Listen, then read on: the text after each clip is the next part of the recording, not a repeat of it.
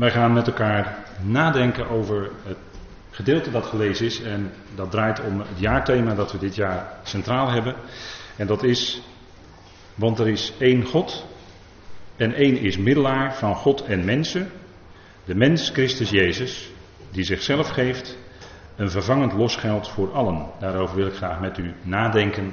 En we, ik wil graag eerst met u daarvoor bidden en dan met u nadenken over dit gedeelte. Vader, we danken u dat we zo ook deze morgen hier bij elkaar zijn. En dank u dat we dat weer doen met dat woord van u centraal. We danken u dat we deze week hier hebben, waarin we nadenken over dit jaarthema. Vader, toch bijzondere woorden die u ons geeft. We danken u dat we, Vader, geroepenen zijn, dat u ons uitgekozen hebt Eigenlijk al van voor de nederwerping van de wereld. Vader, dat is zo bijzonder en dat maakt ons verwonderd. Dat u ons oor heeft geopend voor dat woord van u. Dank u, Vader, dat we in ons leven daarmee op weg zijn. En met soms misschien wankelende voetstappen die we zetten, zoals we net in het lied zongen. Maar dank u wel dat we door u omringd worden. Door uw liefde, door uw trouw. Vader, dank u wel voor die woorden die we mogen overwegen ook deze morgen. Geeft u daarin wijsheid. Wilt u leiden door uw Heilige Geest. Geef alles wat nodig is. Vader, geef ons een luisterend oor en een open hart. U kent al onze overwegingen die we hebben. Vader, wilt u daarin dat woord geven? Wat spreekt tot bemoediging, tot opbouw. Vader, mag dat het zijn en boven alles tot lof en eer van uw naam. We danken u daarvoor in de naam van uw geliefde Zoon, onze Heer Christus Jezus. Amen. Ja, het is denk ik uh, goed om met elkaar te kijken naar dit gedeelte. En we zijn wat dat betreft, uh, denk ik, dit jaar heel erg gezegend. Om het zo maar eens te zeggen, met zo'n jaarthema. Dat er één God is en één middelaar van God en mensen. Een mens Christus Jezus. En dat is eigenlijk, ja, in een nutshell het hele evangelie, het hele goede nieuws wat we mogen kennen. Hij heeft zichzelf gegeven tot een vervangend losgeld voor allen. En dat is heel bijzonder. En dit vinden wij in de brief aan Timotheus. Dit is de eerste brief die de apostel Paulus schreef aan Timotheus, zijn geliefd kind in het geloof. Timotheus was door het evangelie gewekt en door de jaren heen was Paulus eigenlijk zijn geestelijke vader geworden en vandaar dat hij hem noemt mijn geliefd kind Timotheus. Paulus gaf aan Timotheus een opdracht mee in deze brief. Daarover lezen we in het eerste hoofdstuk. En deze Timotheus die krijgt als opdracht mee een, iets bijzonders en dat hebben we eigenlijk al gelezen in het jaarthema, want dat is het, het evangelie van de heerlijkheid van de gelukkige God. In uw vertaling ziet u misschien het woord gelukzalig. Maar dat klinkt een beetje oud misschien. Maar gelukkig, het woord wat in de tekst gebruikt wordt, dat wijst daar ook op. Dat is die God die in zichzelf gelukkig is. En dan, is, dan moet ik dat toch even nuanceren. Wij denken bij geluk aan een geluksgevoel. Dat we ons prettig voelen. Maar dat is niet eh, geestelijk gezien geluk. Geestelijk gezien heb je geluk als je God mag kennen. Door zijn zoon Jezus Christus onze Heer. En als je hem beter leert kennen, dan word je eigenlijk, en dan praat ik dus geestelijk gezien, een gelukkig mens. Want in de omstandigheden waarin we zijn, en die kunnen soms huishoog golven zijn in ons leven. Het kan soms heel diep gaan in ons leven. Maar in die omstandigheden, als je God kent, dat maakt een enorm verschil. Ieder mens overkomt lijden, ieder mens overkomt verdrukking. Ieder mens overkomt ziekte en pijn. Maar wat maakt het een verschil als je God mag kennen door zijn zoon Jezus Christus onze Heer? En het evangelie van de heerlijkheid van de gelukkige God, dat is eigenlijk de opdracht die Paulus aan Timotheus meegaf. Dat dat evangelie, dat hij dat evangelie zou doordragen. En dat houdt in dat God redder is. En dat is het geweldige van het evangelie. Dat maakt ons duidelijk. Kijk, God is geen God die veraf van ons staat En die van een grote afstand, als het ware onverschillig toekijkt. Nee, wel nee, helemaal niet. Integendeel. En, en centraal, hè, een van de punten, een van de belangrijke dingen die Paulus dan in dat eerste hoofdstuk tegen Timotheus zegt, want de, we, we komen tijd tekort om dat helemaal te bespreken natuurlijk. Maar daarin zegt Paulus, kijk, betrouwbaar is het woord. En het is alle verwelkoming waard. En wat zijn nou dingen in ons leven waar wij voor applaudisseren? we hebben net het eh, wereldkampioenschap voetbal hebben we gehad. En misschien zegt u nou voetbal interesseert mij totaal niet. Nou, er wordt toch veel naar gekeken. En de winnaars die uiteindelijk wereldkampioen worden, nou die kregen wel applaus hoor. En, en desnoods een staande ovatie vanaf de tribune. dat, dat vond men geweldig. Maar dit is iets totaal anders. Maar dit is wel verwelkoming waard. Dit is iets waarvoor je kan applaudisseren. Hiervoor kun je de rode loper uitleggen, bij wijze van spreken. Dit goede nieuws, dit, dit geweldige eh, wat van God hier klinkt, is dat Christus Jezus in de wereld gekomen is om zondaren te redden. Hij kwam om zondaren te redden. Hij kwam niet om ze te veroordelen. Hoewel de Heer van zichzelf zei in Johannes 5 dat de Vader aan hem het had gegeven al het richten, dus de Vader had aan de Zoon al het richten gegeven. Maar hij kwam in de wereld, Christus Jezus kwam in de wereld om zondaren te redden. Dat is het goede nieuws. En dat wordt vaak betwijfeld door mensen. Tradities van mensen staan dit geweldige nieuws, dit geweldige evangelie in de weg. En heel veel mensen, ook gelovige mensen, die ook elke zondag bij elkaar komen, die zien dat toch beperkt. Maar het geweldige is dat Christus Jezus in de wereld gekomen is om zondaren te redden. En die missie die hij meekreeg van de Vader, God, zijn Vader, die missie die slaagt. Die slaagt glansrijk.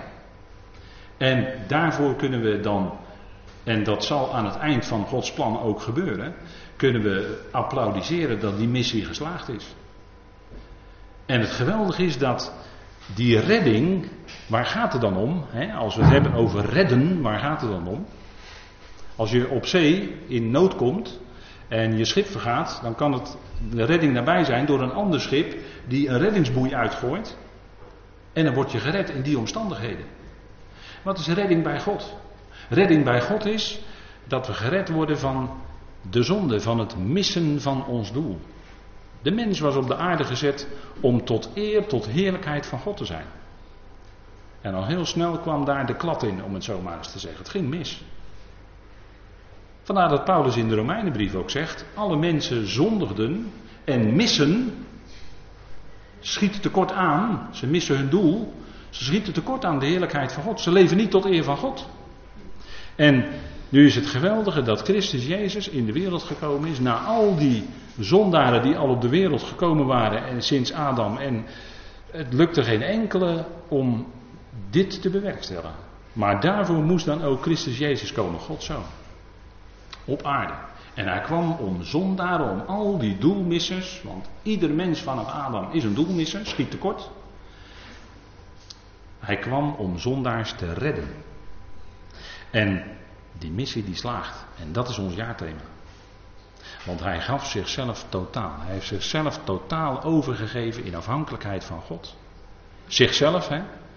Dat woord moet u even vasthouden. Zichzelf heeft hij totaal gegeven in afhankelijkheid van God. En omdat hij dat gedaan heeft, is die redding voor allen. Ja, nog sterker, daadwerkelijk zal ook uiteindelijk iedereen gered zijn. Niet alleen van de zonde, dat is het ene punt, maar ook van de dood. Want we worden helaas dagelijks geconfronteerd met de dood als een vijand. En de dood is een akelige vijand. Maar het goede nieuws is dat Christus Jezus niet alleen gestorven is voor al die zondaren, maar dat hij ook is opgewekt uit de dood door de Vader, opdat al die zondaren gered worden. En daarmee is de wissel omgezet. Hij is opgewekt uit de dood. In onvergankelijk, in onverderfelijk leven. In onsterfelijkheid. Hij is de eerste die is opgewekt zonder ooit weer te kunnen sterven. En omdat hij die eerste is opgewekt, ja, dat is eigenlijk een oogstterm, gebruikt Paulus dan, is hij de eersteling. En dat is de garantie dat ook de hele oogst gaat komen. De hele oogst. Ieder mens, zonder uitzondering. En dat is, ja, dat is een geweldig goed nieuws. Dus die missie van Christus Jezus, die slaagt glansrijk aan alle kanten. Daarom is God een gelukkig God, want dat zou je kunnen afvragen. Hij krijgt die opdracht mee, het evangelie van de heerlijkheid van de gelukkige God. En het is zijn heerlijkheid om alle mensen te redden. Waarom is God een gelukkige God? Dat is omdat God redder is. En omdat God liefde is, wilde hij die liefde delen met anderen. Liefde is altijd gevend. Liefde is altijd een beweging van je af. Is altijd gericht op die ander. En zo is God in, in, in alle hoogste zin. God is redder en dat doet hij door zijn genade. En het voorbeeld van de genade is de apostel Paulus. Die die geweldige boodschap doorgaf aan Timotheus, zodat die weer met die boodschap verder kon gaan. Genade.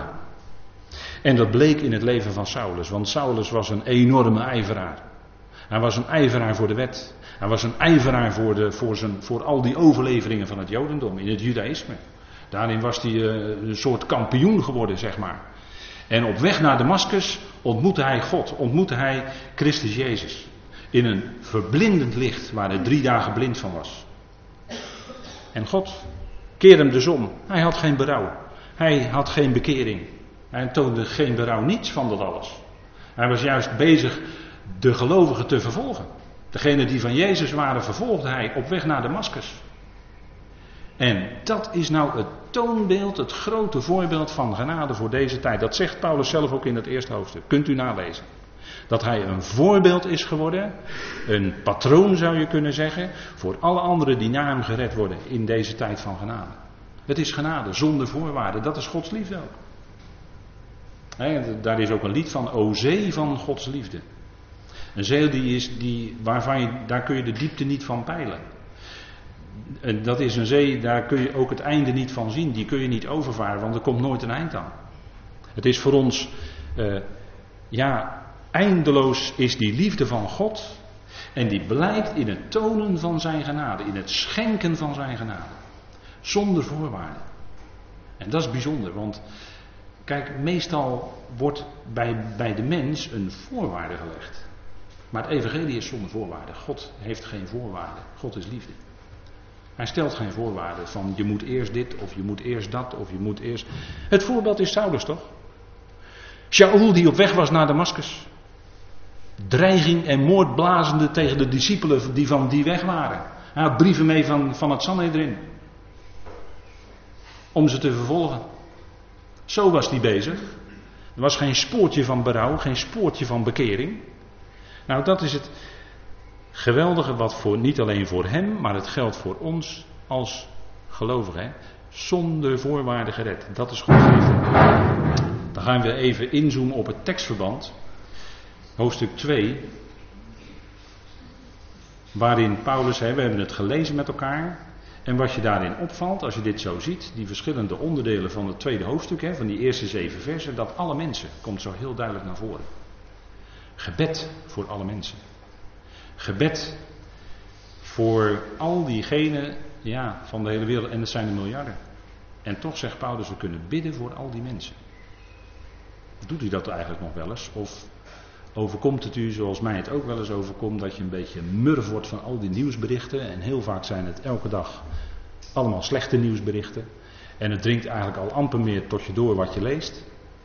Terwijl Paulus ons eigenlijk de weg wijst hier en zegt dat gebed voor alle mensen. En, en sterker nog, smeekbeden doen. Gebeden, voorbiddingen en ook dankzeggingen voor alle mensen.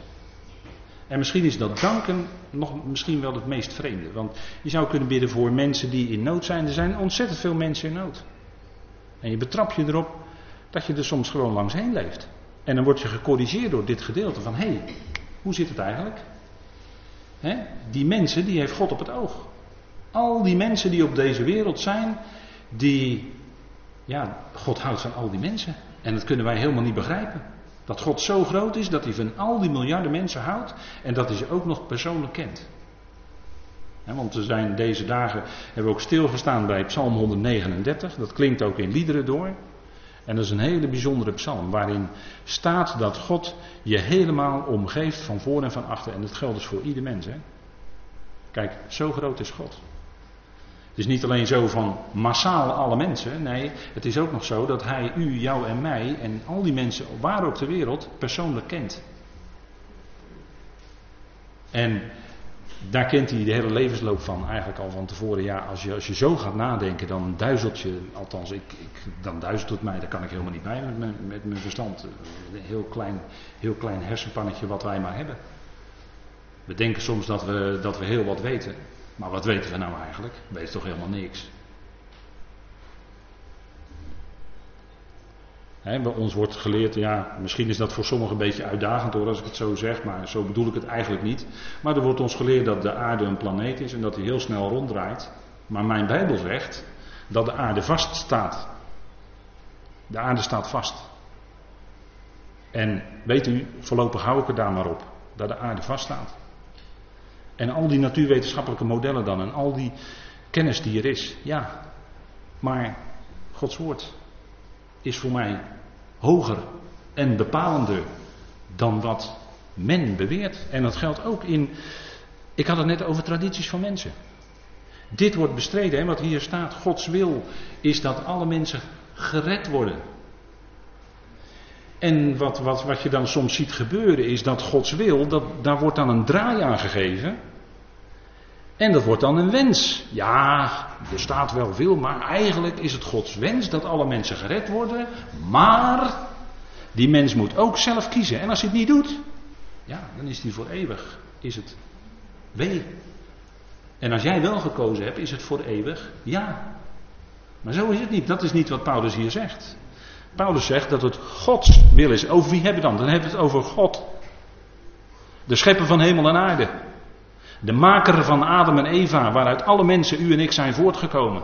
Over die God hebben we het dan. En als die wil dat alle mensen gered worden, en dat is wat er staat, ja, Gods wil is veel sterker dan onze wil hoor. Onze wil is maar zo zwak. En zo afhankelijk van omstandigheden. En zo plooibaar en, en manipuleerbaar en, en noem alles maar op. Maar Gods wil, als God wil dat alle mensen gered worden, nou, denk erom dat hij die wil gaan doorzetten. dat is het punt. En, en dat is, dan komen we in het jaarthema, vers 5 en 6. Daar staat de redding van alle mensen. de Heer heeft zich gegeven tot een vervangend losgeld voor alle mensen. Dus eerst is er gebed voor alle mensen. Dan is het Gods wil die alle mensen redt. En er wordt ook gezegd, onze redder God. Hè? Als we kijken even naar dat eh, derde vers van het tweede hoofdstuk. Daarin zegt Paulus, want dit is uitstekend en welkom voor het aangezicht van onze redder God. Onze redder God. Zo wordt vers 4 geïntroduceerd. Onze redder God. Die wil dat alle mensen gered worden en tot erkenning van de waarheid komen. Als God het wil, dan gaat dat ook gebeuren. Niet alleen dat alle mensen gered worden, maar dat ze ook dit gaan erkennen. Hè. Er komt een moment dat die knieën gaan buigen. Dat die soms hele harde nekken ook gaan buigen. Want hardnekkigheid is in Gods woord iets dat tijdelijk is. maar mensen verzetten zich soms hun hele leven verschrikkelijk hardnekkig tegen God. En vanmorgen hadden we even een gesprekje zo. En dan praat je met elkaar over dingen. En dan zeg je, wat zullen die mensen opkijken? Wat zullen die mensen opkijken? Ook mensen die verstokt en in ongeloof sterven. Maar wat zullen ze opkijken als ze weer wakker worden uit die dood? Wat zullen ze opkijken? Want dan staan ze ineens voor hun Heer, voor hun redder. Zal dat iets, iets bijzonders zijn? En dan heb je in vers 7 Paulus. En in vers 8 ook weer over gebed. Hè? Dus hier ligt een hele duidelijke nadruk in dit stukje ook op gebed. Hè? Gebed dat de broeders zouden doen zonder toren en doorredenering. Gebed dat de broeders samen zouden doen zonder toren en doorredenering staat er. En toren, dat is, eh, ja, wat is dat? Dat is gramschap of dat je erg boos bent. Ik weet niet goed hoe ik dat moet vertalen verder. Maar samen bidden. Hè, zonder doorredeneringen. Zonder dat er bijgedachten zijn. Zonder dat er gewoon vrijmoedig samen God naderen in gebed. Dat is bijzonder, denk ik, als dat kan. Nou, het is, als we kijken naar het tekstverband van ons jaarthema, en dan wil ik nog wel even wat verder op inzoomen, is dat Gods wil dat alle mensen gered worden. Ligt nadruk op alle mensen. En tot erkenning van de waarheid komen. het gaat om de waarheid. Dit evangelie van de gelukkige God, dat is de waarheid. Paulus was iemand die de waarheid verkondigde. En als er iets is in deze tijd wat betwijfeld wordt, is het het begrip waarheid. Daar kun je eigenlijk niet mee aankomen. En dan kun je zeggen, ja, wat is waarheid? Nou, waarheid is iets dat echt is, dat vast is en dat betrouwbaar is. En dat kan dus alleen maar van God komen. Kan alleen maar van God komen. De waarheid over de wereld om ons heen. De waarheid over hoe we als mensen in elkaar zitten. Dat komt van God. Willen we daar iets meer over weten, dan zullen we zijn woord moeten raadplegen. Want de Heer Jezus zei in dat hele bijzondere gebed in Johannes 17, te midden van zijn discipelen in de opperzaal, vlak voordat hij zou sterven, zei hij: Heilig ze in uw waarheid. Hè, dan bad hij voor zijn discipelen: Heilig ze in uw waarheid. Uw woord is de waarheid. Dus als wij die waarheid over God willen weten, dan zullen we bij zijn woord te raden moeten gaan. Dat is de Bijbel. 66, voor mij 70 Bijbelboeken. Dat is Gods woord. Dat geeft antwoord Gods woord geeft antwoord op levensvragen van mensen. Gods woord geeft antwoord als mensen in nood zijn. Hij geeft niet altijd antwoord op het waarom van jouw nood op dit moment, of waartoe dat zal zijn. Maar Gods woord geeft wel degelijk antwoord in de zin van, kijk, er staat er één aan het begin, het was God die alle mensen lief heeft. En diezelfde God staat ook aan het eind van zijn plan als alle mensen gered zijn. En ik ben er 100% zeker van dat op alle vragen die we nu hebben, als we daar zijn aan het eindpunt, dat we daar antwoord op krijgen. Dat Hij zal laten zien hoe het zat en waarom het was en waartoe het was. In uw leven, in mijn leven. Wat er ook gebeurt. Maar we zijn in Zijn hand. En uh, ik hoor een broeder dat wel eens zeggen. We zijn voor Zijn rekening. Ja, dat is waar. We zijn helemaal voor Zijn rekening. We zijn in zijn hand, wat er ook gebeurt. Een hoge zee of een stille zee, misschien hebben we een wat rustige periode in uw leven, dat kan. Maar ik vind het altijd een klein beetje eigenaardig als het rustig is, want dan denk ik, dan gaat er wat komen. En meestal klopt dat ook wel, dan gaat er weer wat komen. Dan is er weer onrust op een of andere manier. En, en Paulus die verkondigde de waarheid van God. En het, en het gekke is met de waarheid, nou niet het gekke, maar met de waarheid is het zo dat als je die brengt en vasthoudt, dan ondervind je daarmee strijd. Om de waarheid te brengen en vast te houden, gewoon daarop te blijven staan, dat kost strijd. Vandaar dat we een wapenrusting hebben die niet aanvallend is, maar verdedigend. Als we op dat lotdeel, op die waarheid blijven staan, dan hebben we strijd. Dat is niet makkelijk. En dat is wat Paulus ook tegen Timotheus zegt. Dat is de ideale strijd van het geloof. Als je nou afvraagt, ja, dat geloof, nou, dat is een ideale strijd. Het is niet makkelijk. Als je aan het beginpunt van je geloofsleven staat, dan zeg je, nou, alles fantastisch, geweldig, ik, ik weet me gered en je bent helemaal overladen met blijdschap. En gaandeweg, als je dan doorgaat en, en God geeft u dat je de waarheid mag kennen. En je blijft daarop staan, dan is daar sprake van strijd. En kijk, die waarheid, in wat, wat Paulus zegt tegen Timotheus, is dat God redder is. En wat doen mensen? Wat gebeurt in, in de menselijke wereld? Is het zo dat de waarheid wordt door heel veel mensen, uh, ja, die willen dat graag onderhouden. Daar zullen ze ongetwijfeld hun redenen voor hebben. Maar op een of andere manier wordt de waarheid, en dat is altijd terug te voeren naar God, wordt neergehouden, wordt ondergehouden. Dat is het woord wat Paulus gebruikt in Romeinen 1. Men houdt de waarheid aangaande God neer in ongerechtigheid. dat, dat, sowieso dat neerhouden is al ongerechtigheid. Als je dat doet, is al een stuk ongerechtigheid. En als wij recht willen zijn, dan kunnen we uitkomen voor die waarheid van God. En de waarheid aangaande God is, een van zijn heerlijkheden is, zijn eer is dat hij de schepper is van alles. Dat hij de bron is van alles. Dat is zijn heerlijkheid. En die heerlijkheid, die willen mensen aantasten, die willen mensen onderhouden. Maar dat is niet onder te houden, want die waarheid gaat toch door, ondanks alles. Ook al wordt het nog zo erg. Hè? En kijk, het punt is, als je, als je gaat praten met mensen, dan, en, je begint, en je begint over het woord waarheid, dus van ja, nee, dat kan niet. Nee hoor, nee. Ja, nee, dat is mooi. Het is voor jou waar. Fijn voor jou. Maar voor mij is het niet waar. Weet u, als je zo praat, dan heb je geen waarheid, hè? Dan heb je geen waarheid. Je is het helemaal weg.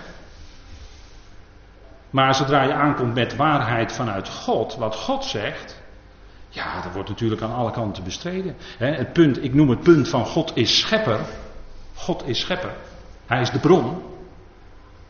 En dan hij zegt, zelf zegt dat hij alles geschapen heeft in het begin, dan is het geen sprookje. Maar dan is dat de volle waarheid waar we met z'n allen vandaan komen. En ook waar we met z'n allen, God zij dank, weer naartoe gaan ook. We keren ook weer terug naar God.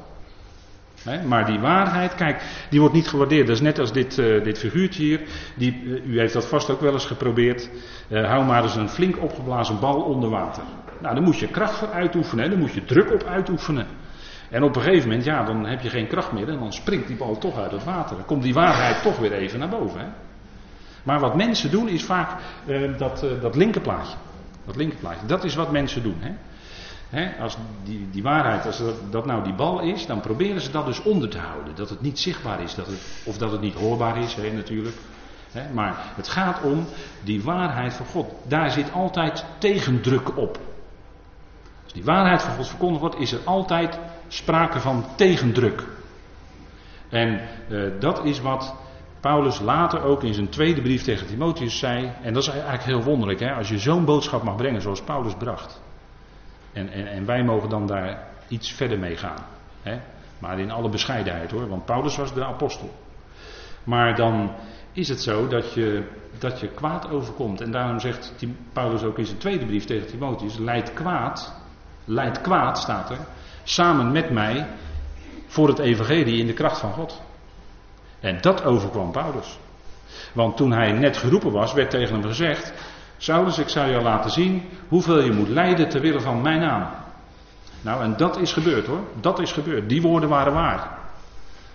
En dan denk ik wel eens wat, wat overkomt in ons leven, ons aan, aan lijden en verdrukkingen, als je het afzet tegen wat de apostel Paulus overkwam.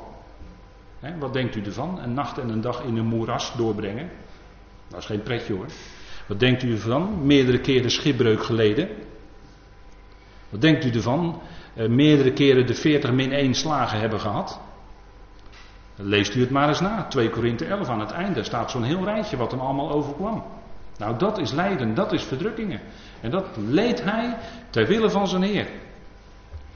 En het gekke was dat hij daar van binnen nog verheugd over was ook. Net als de discipelen in Handelingen 5. Die waren ook verheugd dat ze mochten lijden ter wille van de naam van de Heer. Paulus, kijk, dat is, het, dat is het moeilijke in onze tijd. Paulus is vaak eigenlijk toch wel ongewenst. Het is niet zo. Als je kijkt bij geloof, christelijke wereld, is Paulus niet zo gewaardeerd. Vaak ook in prediking en uitleg laten ze hem links leggen, liggen. Moet het zeggen? Liggen, hè? Paulus ongewenst. En dat was ook bij die Galaten. Die Galaten die waren in het begin fantastisch, vonden ze dat evangelie geweldig, genade, om niet. En wat was er gebeurd in, de, in, in Galatië? Daar waren judaïsten gekomen en die hadden die Galaten op een ander spoor gezet. Spoor van wetticisme. En daarom moest Paulus zeggen in Galaten 4 vers 16, is het zo dat ik jullie vijand geworden ben door waar tegen jullie te zijn? Want het punt is dat Paulus zijn evangelie van genade vasthield.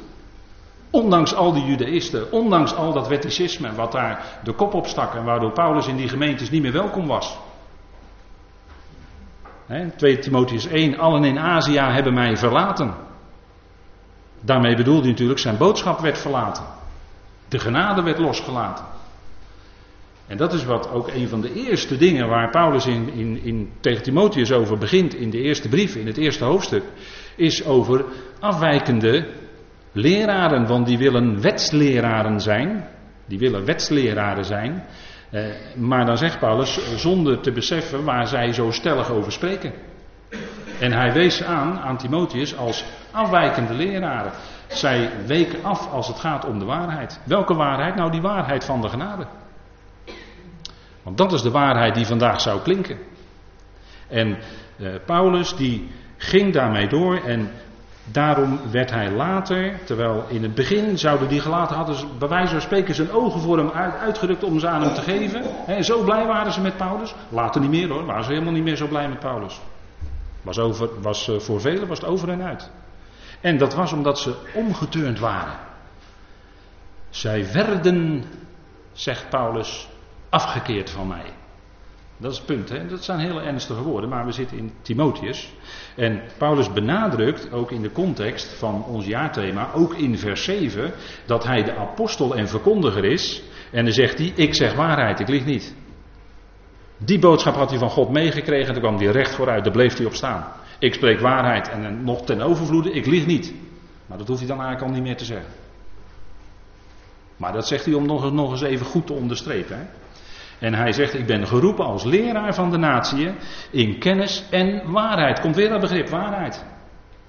En dat vinden veel mensen irritant als je over de waarheid begint. Maar de waarheid van de genade blijft staan. En de zekerheid, want dat is ook wat ons zekerheid geeft, van bij genade ligt het niet in onszelf of aan onszelf, maar ligt het in God. En ben je volledig van God afhankelijk. Dat, dat is zijn genade, dat je volledig van hem afhankelijk bent. En een van de, de, de moeilijke punten in het evangelie van Paulus is, wat in ons jaarthema zit, dat Christus Jezus zichzelf gegeven heeft. En wat is dat? Dat is het kruis. Dat is het kruis. En de kruisiging van onze Heer Jezus Christus 2000 jaar geleden op Golgotha, dat is een historisch feit. Dat is een historisch feit waarop we staan. En dat is net zo'n feit als de opstanding op de derde dag uit de doden. Dat is ook zo'n historisch feit. Dat is de waarheid. Dat kruis, dat noemt Paulus, en de het kruisigen noemt Paulus in al zijn brieven. En dat is wat je niet terugvindt bij de andere apostelen van de besnijdenis. Die andere apostelen, daarmee bedoel ik de apostelen van de besnijdenis, de twaalf. Als je in die brieven gaat lezen, wordt niet gesproken over het kruis of kruisigen. Wordt alleen bij Paulus over gesproken. En Paulus trekt in zijn brieven de consequentie van de kruisiging van onze Heer Jezus Christus. Dat wil zeggen dat toen hij daar werd afgesneden, want het was ook zijn besnijdenis, het kruis, kruisiging. Toen hij daar werd afgesneden, toen werd in feite die hele mensheid, u en ik dus, heel die oude mensheid, werd mede gekruisigd met Christus. Vandaar dat Paulus in een andere tekst zegt, want indien één voor allen gestorven is, zijn dus allen gestorven. Ja, dat is logica, daar, dat, ja, dat is een bepaalde logica, maar het is wel heel logisch. Want in Christus wordt ook genoemd de laatste Adam, en met die laatste Adam werd heel die oude mensheid mee gekruisigd. Dat oude. Daarmee ons oude ik, als u dat wat zegt, ons oude ik, werd mede gekruisigd met Christus. En dat is een hele diepgaande boodschap. Dat wil zeggen dat het oude is eigenlijk daar toen al afgesneden en het is zaak dat wij ons dat wij in ons geloofsleven dat ook steeds meer gaan erkennen dat het zo is. Het is een feit. Maar nu in de praktijk dat ook erkennen en daaruit leven. Want het nieuwe leven in ons, die geest van God in ons, dat heeft Hij ons gegeven. Dat is de bedoeling dat dat naar buiten komt. En dat het oude dus stapje voor stapje goed, goed verdwijnt. En dat dat nieuwe leven naar buiten komt En dan het nieuwe leven, en dat zeggen we wel eens tegen elkaar, dat is dan het karakter van onze Heer Jezus Christus. Hè? De vrucht van de geest, dat die in ons leven zichtbaar wordt. En het begint met liefde en het eindigt met zelfbeheersing. En daartussen dat hele rijtje, nou, dan moet u de gelaten brief maar eens lezen. Hè, wat al die facetten zijn van die ene vrucht van de geest. En dat is wat Gods geest in ons bewerkt. Je kan eh, allerlei trainingen gaan volgen, allerlei psychologische cursussen gaan volgen, maar dat gaat geen vrucht van de geest opleveren, dat kan ik u garanderen. Wat wel vrucht oplevert in uw leven, wat vrucht zet, is die werking van de geest van God in u en mij. En dat de enige manier waarop dat werkt is door het woord, door het evangelie. En dan komt er iets anders naar voren, want kijk, die, als we blijven bij het voorbeeld van Saulus, Paulus. Die ging als een woesteling tekeer, zeg. Jonge, jonge, jonge, jonge. Tegen de gelovigen. En aan het eind van zijn leven was het een, zachtmoedige, een ootmoedige, een liefdevolle apostel. Wat een geweldige verandering. Dat is wat het evangelie in mensenlevens bewerkt. Dat is wat het in u en mij doet. En zegt u, ja, ik, ik ja, maar ja, als ik naar die vrucht van. Nou ja, ja we, zongen inderdaad over wankelende voetstappen die we zetten. Hè. Schreeën, dat is een heel oud woord, maar schreden, voetstappen, wankelende voetstappen die wij zetten. Maar ik was ook heel blij dat in het lied eromheen stond dat, dat zijn liefde en trouw ons omringen. Want hij heeft ons lief. En als wij iets fout doen, dan rekent hij ons niet keihard af. En dan wacht ons geen veroordeling. Maar het is wel op dat moment even weer een lespuntje, om het zo maar te zeggen. Geen mespuntje, maar een lespuntje. Om weer goed bij de les bepaald te worden. En je afhankelijkheid te beseffen. Want we gaan het toch weer zelf proberen en dan struikelen we weer. En dan richt de Heer ons weer op. Zo gaat het, hè? En Paulus was een verkondiger en hij verkondigde de waarheid. En het geweldige is dat die waarheid, die maakt werkelijk vrij. De leugen houdt je in onwaarheid hoor. En de leugen maakt je ook niet vrij. Maar de leugen houdt je in gebondenheid. Op welke manier dan ook. En je kunt op talloze manieren gebonden zijn. Maar de waarheid, die maakt je vrij. En die waarheid is dat geweldige evangelie, dat goede nieuws van redding. En dat is wat ook wij gehoord hebben. Het evangelie van jullie redding. Daar gaat het om. Hè? Het is onze redding. Elke dag beseffen we weer dat we afhankelijk zijn van onze redder. Onze redder God. En, en wat, wat ook in het jaarthema klinkt, hè, als we het hebben over God, dan is het heel nadrukkelijk, en u weet hoe daarvan afgeweken wordt, maar er is één God. Dat is wat de Bijbel van A tot Z leert. Er is één God en ook één middelaar tussen God en mensen. Er is één God die absoluut God is en boven alles staat en uit wie alles is. En er is één Heer Jezus Christus door wie alles is. Maar het, het ja-thema benadrukt dat er één God is. Dus er bestaat niet zoiets als een twee-eenheid of een drie-eenheid. Dat leert de schrift niet. Nee, de schrift leert wat de Joden al van jongs af aan leren. Dat de Heer, hun God, dat hij één is. Echad. het Shema. Wat ze hebben in die mezuzah op hun deurpost. Het Shema. Hoor Israël, hoor. De Heer jullie God is één. En zo is het. En Paulus, en dat klinkt door ook in dat jaarthema, die ene God. Maar die ene God is redder. Is geen veroordelaar. Maar er is maar één God. Uit wie alles is. En uiteindelijk zal ook alles tot hem zijn. Hè? En dat is het geweldige. Kijk, onze redding is in God alleen. En God is die grote pottenbakker. Dat is een prachtig beeld uit de schrift dat klinkt in Jeremia, dat klinkt in Jezaja, dat klinkt in Romeinen. God is die grote pottenbakker. Die handelt met zijn volk Israël. Als, dat, als die pot, als dat vat wat u daar ziet. En hij handelt ook in uw en mijn persoonlijk leven. Als de grote pottenbakker. En hij modelleert. Hij vormt ons om naar het beeld van de zoon. Dat is wat hij doet, hè. En dat is de reden waarom we door allerlei ervaringen gaan. Hij vormt ons om naar het beeld van de zoon. En daar hebben we het al over gehad, de vrucht van de geest, dat is het beeld van de zoon.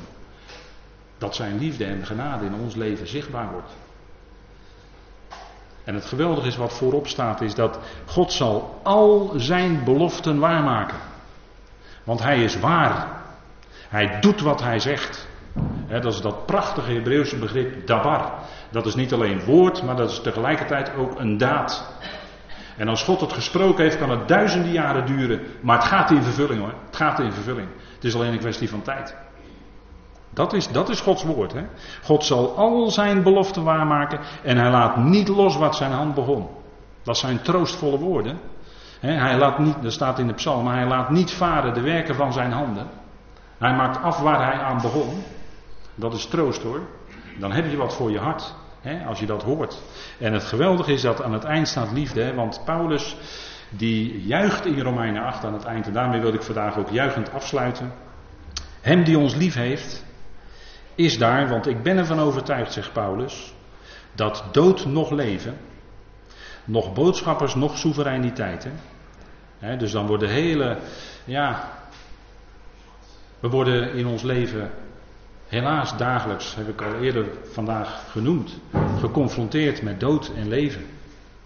Maar dat kan ons niet scheiden van zijn liefde. Kan ons niet daarvan scheiden. En boodschappers, soevereiniteiten, noemt Paulus in één keer de laagste en de hoogste van de hele hiërarchie van, van machten. Kunnen die ons scheiden van de liefde van God? Nee. Dat zijn allemaal retorische vragen. En uh, wat, wat er nu is, en wat je misschien verbijstert op dit moment, dat zou zomaar kunnen. Dingen die je in je leven jou verbijsteren. Wat er nu is, of wat op het punt staat te komen, Waar veel mensen bang voor zijn. Wat gaat er morgen gebeuren? Of hoe moet het verder met ons land? Of hoe moet het verder met Europa? Hoe moet het verder met de wereld? En Trump praat met Poetin. En Poetin praat met Netanyahu. En Netanyahu praat weer met Trump. En wat het moet worden, we weten het niet. Er is onrust. Waar gaat het naartoe met deze wereld? Nou, het is in Gods hand. Dat is de verzekering die we hebben. Het is in Gods hand. Het loopt hem nooit uit de hand. Nooit. En krachten of Hoogte of diepte. En het kan zo hoog gaan en het kan zo diep gaan.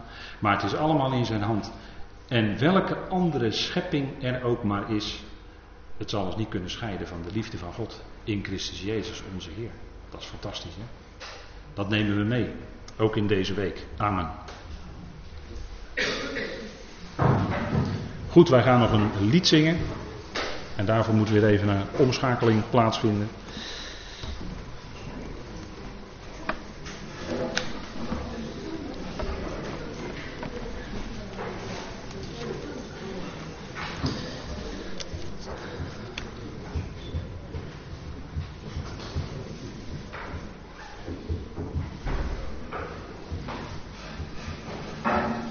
Goed, we gaan een lied zingen met elkaar, dat komt zo op de beamer. Maar voordat we dat doen, wil ik graag eerst met u danken. Zullen wij de Heer danken? Vader, dank u wel dat we zo hier met elkaar een moment konden nadenken over en rondom het jaarthema in die bijzondere brief die Paulus aan Timotheus schreef. Vader, dank u wel dat we overtuigd zijn geworden van die geweldige liefde van u. En dat uw liefde aan het begin stond en uw liefde zal er ook aan het eind zijn. Vader, en dat einde zal dan een geweldig begin zijn van dan inderdaad als uw plan voorbij is. Dat zal dan het begin zijn van de eeuwigheid. Vader, dank u wel dat we dan mogen beseffen dat u redder bent van alle mensen. Dat is uw heerlijkheid. Vader, dank u wel dat u daartoe uw geliefde zoon hebt gestuurd en ja, die achter zichzelf niet, maar die deed in afhankelijkheid van u, Vader, dat wat u bedoelde. Dank u wel, Vader, dat Hij nu aan uw rechterhand is en dat we in afhankelijkheid van U en uw Zoon onze weg mogen gaan. U bent nabij, in alle omstandigheden. Vaak schieten onze armen als mensen tekort, maar we zijn altijd in uw armen veilig geborgen. En u woont door uw geest zelfs in ons hart. Vader, wat een rijk geschenk. Vader, in ons gebed is dat die vrucht van de geest in ons leven meer en meer zichtbaar wordt. En dat, die, dat het oude meer en meer op de achtergrond raakt. En dat we die nieuwe mens mogen leven. Van dag tot dag. Vader, dank u wel dat u ons zo dit moment gaf. En dat u ook het verdere van deze dag ons nabij zijn in alle ontmoetingen en gesprekken die we met elkaar hebben. Mag het zijn in grootmoedige gezindheid en dat wat u geeft. Vader, dank u wel voor de week die we hier mogen hebben in dit centrum, waarin s'morgens een moment van Bijbelstudie kan zijn. We danken u daarvoor, Vader, dat u dat geeft en al het andere eromheen, het recreëren en met elkaar omgaan. Alle kinderen die er zijn, Vader, we danken u daarvoor. We danken u voor wat u zo wil geven. We danken u, wij loven en we prijzen u in de machtige naam van uw geliefde zoon. Amen. Goed, ik wilde ter afsluiting dan nog een lied met u zingen. God en God alleen. En zullen we dat staande zingen met elkaar?